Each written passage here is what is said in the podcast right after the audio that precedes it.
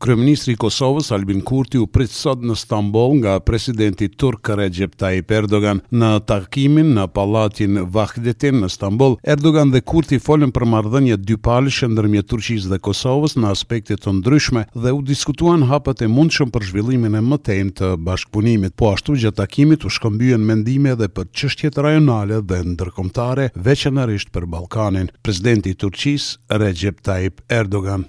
Ne po vazhdojmë përpjekjet tona të përbashkëta për të siguruar që Kosova të arrijë pozicionin e merituar në arenën ndërkombëtare.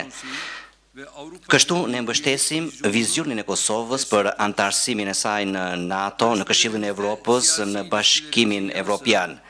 Në takimet tona, krahas marrëdhënieve politike ndërmjet vendeve tona, ne diskutuam se çfarë mund të bëjmë në fushën e ekonomisë, tregtisë, energjisë, industrisë së mbrojtjes dhe luftës kundër terrorizmit. Kryeministri i Kosovës, Albin Kurti.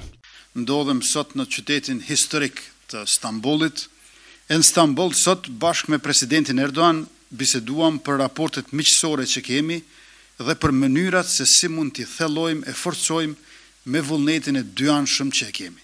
Folëm për mundësi të reja të bashkëpunimit në rrafshin ekonomik e tregtar, të sigurisë e të mbrojtjes. Diskutuam edhe për zhvillimet në rajon dhe më gjerë. Jemi gjithmonë mirënjohës për rolin e Turqisë në intervenimin e NATO-s në Kosovë në vitin një mijë e nëntëqind e nëntëdhjetë e nëntë për ndaljen e gjenocidit mbi popullin e Kosovës e që solli çlirimin dhe paqen në vend, për kontributin e pakursyer në ndërtimin e institucioneve, shpalljen dhe njohjen e pavarësisë së Republikës sonë dhe për mbështetjen e plotë e të pakursyer të Turqisë në politikën e jashtme. Kryeministri Albin Kurti para deputetëve në Kuvendin e Kosovës ka prezantuar gjashtë kushte për ta pranuar themelimin e Asociacionit të Komunave me shumicë serbe. Asociacioni duhet të jetë në përputhje me Kushtetutën dhe ligjet në fuqi në Republikën e Kosovës. E dyta, Asociacioni nuk mund të jetë monoetnik. Duhet të ndërrojë emrin, Para vendosjes së Asociacionit, strukturat ilegale të Serbisë në veri shuhen dhe bëhet dorëzimi i të gjitha armëve ilegale. Asociacioni është pjesë e marrëveshjes finale dhe zbatohet pas njohjes reciproke. Dhe gjashtë, Presidenti i Serbisë i tërheq letrat e dërguara te pesë shtetet anëtare të BE-së dhe tek të tjerat për mospranimin e aplikimit të Republikës së Kosovës për anëtarësim në Bashkimin Evropian, Deklaratat e tij kanë nxitur reagime të shumta nga ana e deputetëve opozitarë, të cilët kanë thënë se kryeministri Kurti më në fund po e pranon Asociacionin, një kauzë të cilën e ka kundërshtuar në të gjitha format. Kryetari i LDK-së, Lumir Abdixhiku. E dëgjuat edhe një herë kryeministrin, foli tre minuta, por s'e mohoi thelbin kryesor, Asociacioni po bëhet. Po bëhet, kjo është thelbi i diskutimit të tij. Dhe këto gjashtë kushte që po i flet kanë një emër. Mund t'i interpretoni me fjalime më gjata, më shkurta. I thojnë respektim i Kushtetutës së Republikës së Kosovës.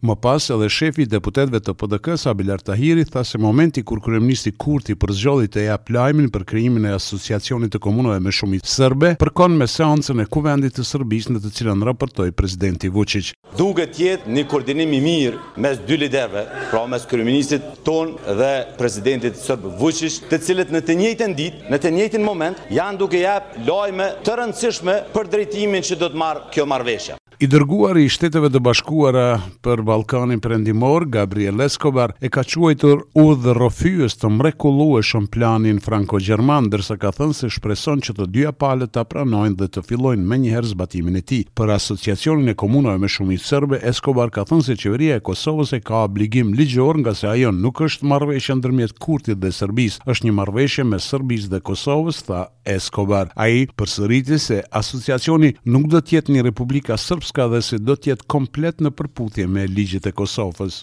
Në anën tjetër, kryeministri Albin Kurti ka ripërsëritur se Asociacioni njëetnik në Kosovën me Kushtetutë shumetnike nuk është i mundshëm. Kurti thotë se është kryeministër i të gjithë qytetarëve të Kosovës dhe është i gatshëm të përmbushë kërkesat dhe nevojat e qytetarëve sërbë dhe çdo pakice tjetër. Shumë ma tepër ka shqiptarë në Serbi se sërbë në Kosovë. Pakicat kombëtare në Serbi janë gati njëzet për qind. Pakicat kombëtare në Kosovë janë rreth shtatë për qind. Pra, Asociacioni i Komunave me shumicë sërbe në Kosovë, e Presheva, Medvegjja e Bujanovci, ta kenë vetëm atë Këshillin Nacional atje, është e padrejtë, e dëmshme edhe e papranueshme. Nëse Serbia dëshiron që në Kosovë të ketë zgjidhje njëetnike, le ta provojë një herë në shtëpinë e saj.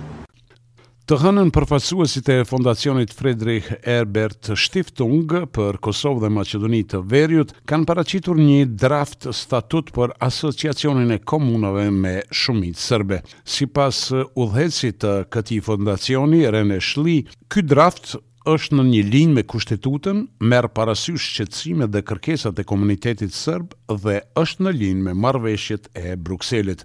Ndërkaq, koordinatori i projektit, Egzon Osmanaj, tha se një nga pikat kyçe të procesit është marrëveshja e vitit dy mijë e trembëdhjetë. Një nga pikat